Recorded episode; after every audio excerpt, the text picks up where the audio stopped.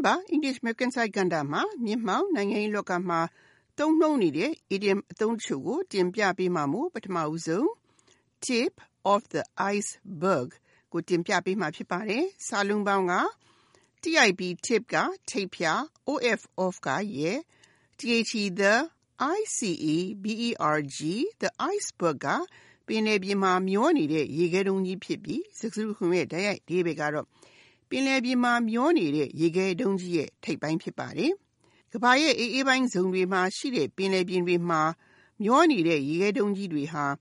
ပင်လယ်ကူးသင်္ဘောကြီးတွေအတွက် အန္တရာယ်ဖြစ်တယ်ဆိုတာကို Academy ဆုရ The Titanic ရုပ်ရှင်ကြည့်ဘူးသူတိုင်း သိကြမှာပါ။1912ခု ဧပြီလက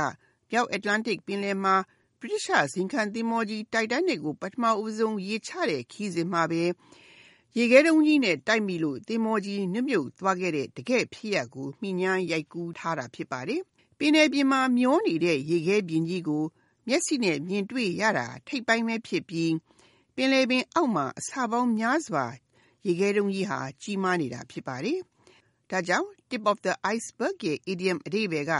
တွေ့နေရတဲ့ပြဿနာကြီးကသေးတယ်လို့ရုတ်တရက်ထင်ရပေမဲ့လို့လေသူ့နောက်မှာတနွယ်ငင်ဒဇင်ပါဆိုသလို အရာမပြဿနာကြီးဖြစ်နေတာမမြင်နိုင်မသိသေးတဲ့ပြဿနာတွေအများကြီးရှိနေတာထင်ထားတာတဲ့ပိုဆိုးနေတာကိုဆိုလိုတာဖြစ်ပါတယ်။တနည်းမျက်စိနဲ့မြင်တွေ့နေရတဲ့ပြဿနာကအမိသဘောလောက်ပဲရှိနေသေးတာကိုဆိုလိုတာဖြစ်ပါတယ်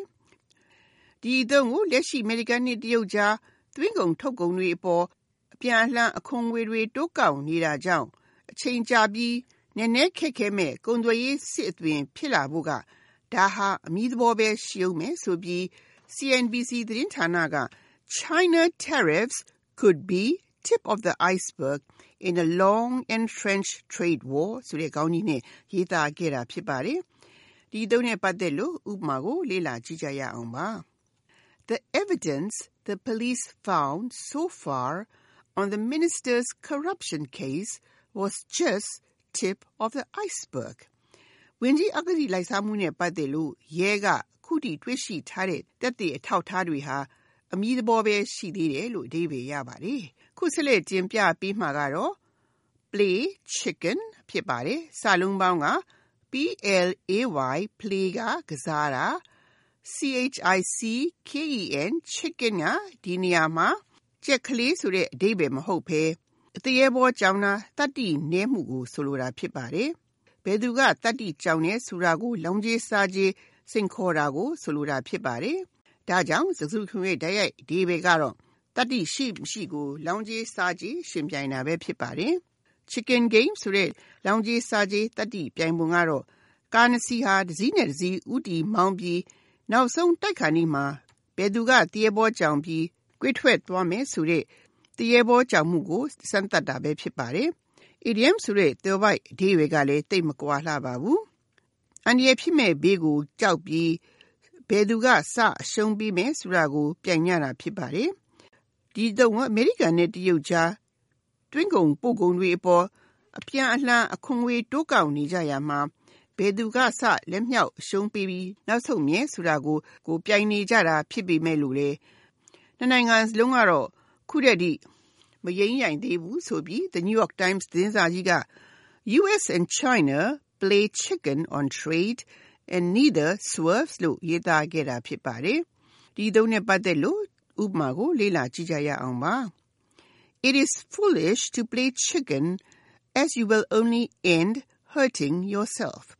တတိရှိတယ်လို့ပြိုင်ဆိုင်မှုဟာအတိတ်ပဲမရှိပါဘူး။အဆုံးမှာကိုယ်ပဲအန္တရာယ်ဖြစ်ပြီးခံရမှာပါလို့အဓိပ္ပာယ်ရပါတယ်။ ခုနောက်ဆုံးတင်ပြပေးမှာကတော့ play with fire ဖြစ်ပါတယ်။စာလုံးပေါင်းက play play ကကစားတာ with with fire fire with fire ကမီးနဲ့ဖြစ်ပြီးစကားစုရဲ့တိုက်ရိုက်အဓိပ္ပာယ်ကတော့မီးနဲ့ကစားတာဖြစ်ပါတယ်။ရန်သူမျိုး၅ပါးထဲမှာပါဝင်တဲ့မီးဟာလူအတွက်အန္တရာယ်ဖြစ်နိုင်တဲ့အတွက်ကြောင့်လေမီးနဲ့ကစားတယ်ဆိုကြတဲ့ကအန္တရာယ်ရှိတဲ့အတွက်ကြောင့်လေဒီ idiom ရဲ့သွယ်ဝိုက်အဓိပ္ပာယ်ကတော့ အန္တရာယ်ရှိစေနိုင်တာထိခိုက်စေနိုင်တာ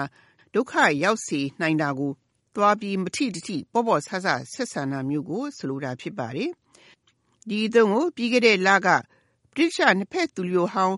Sergei Skripal နဲ့သူသမီးဟာအဆိပ်ဓာတ်ငွေ့နဲ့တိုက်ခိုက်ခံရတဲ့ကိစ္စနဲ့ပတ်သက်လို့ရုရှားအစိုးရလက်ချက်မကင်းဘူးလို့ဗြိတိန်ကစွပ်စွဲခဲ့ပြီးသံတမန်တွေနှင်ထုတ်အရေးယူမှုတွေပြုလုပ်တာနဲ့ပတ်သက်လို့